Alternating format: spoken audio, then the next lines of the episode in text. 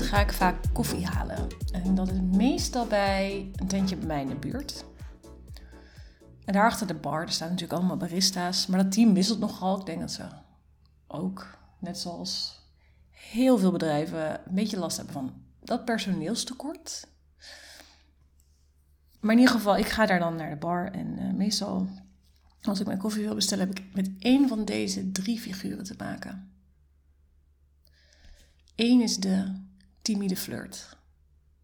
Die uh, krijgt spontaan een klein paniekaanvalletje als ik uh, aankom lopen.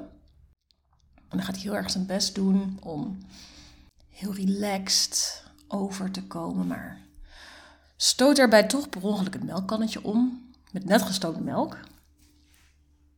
En um, vervolgens kijkt hij me aan, doet hij heel erg zijn best en stelt hij heel geforceerd zo'n quasi-nonchalante vraag over hoe mijn weekend was. Maar als ik antwoord geef, dan heeft hij niks meer te zeggen. Of nummer twee, die kom ik ook wel eens tegen en dat is de casual connoisseur.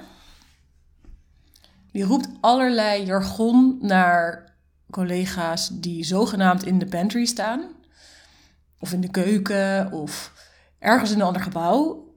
Terwijl er een hele rij voor de bar vormt. Hij wil heel graag multitasker zijn. Of in ieder geval doet ons geloven dat hij dat is. Maar kan het niet helpen om toch voor de derde keer te vragen wat mijn bestelling ook alweer was? En als mijn koffie dan klaar is, dan schuift hij zo mijn glas met volle koffie over de bar. En ik word dan bang dat ik hem niet op tijd vang en dat ik hem maar af laat vallen. En voordat hij zich omdraait, om uh, de volgende bestelling op te nemen, dan knipoogt hij nog even zo naar me. En vervolgens roept hij iets naar nummer 4 in de rij. Iets over het weekend, wat hij afgelopen weekend heeft meegemaakt. Zo eentje, die ken je misschien ook wel.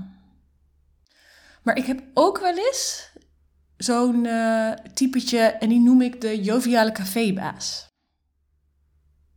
Elke persoon in de rij die begroet hij met een glimlach op zijn gezicht en een hele vrolijke goedemorgen. En hij heeft mijn latte macchiato met havermelk altijd binnen 28 seconden klaar. Ik weet niet hoe hij het doet.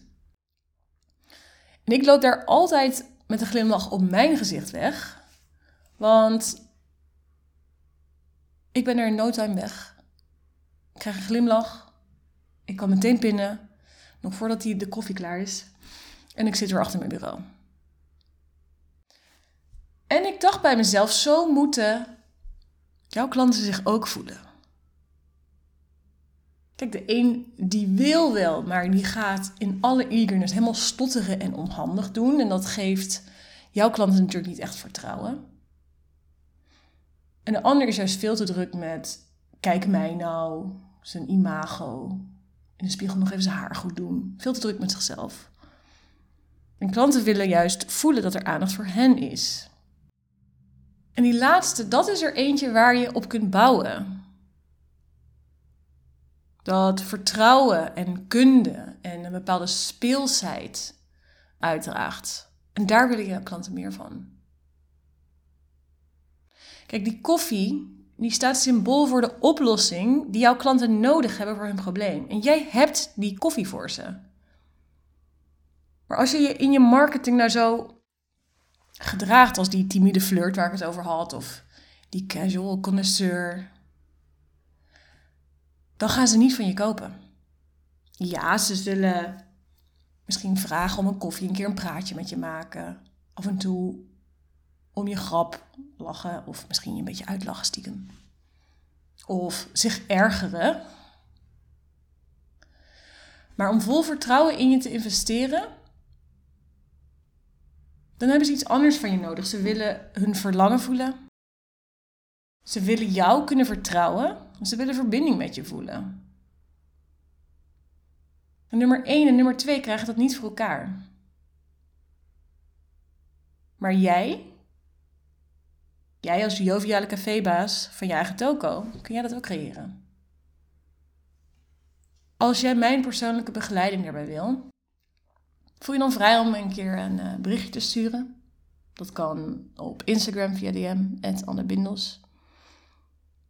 En als je meer wil weten hoe dat in zijn werk kan gaan, hoe mijn persoonlijke begeleiding eruit ziet, dan kun je altijd even naar de website gaan die ik in de show notes zal zetten. annebindels.nl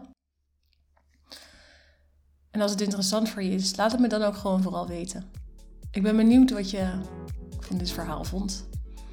En ik hoop dat je erbij bent bij de volgende aflevering. Dankjewel voor het luisteren.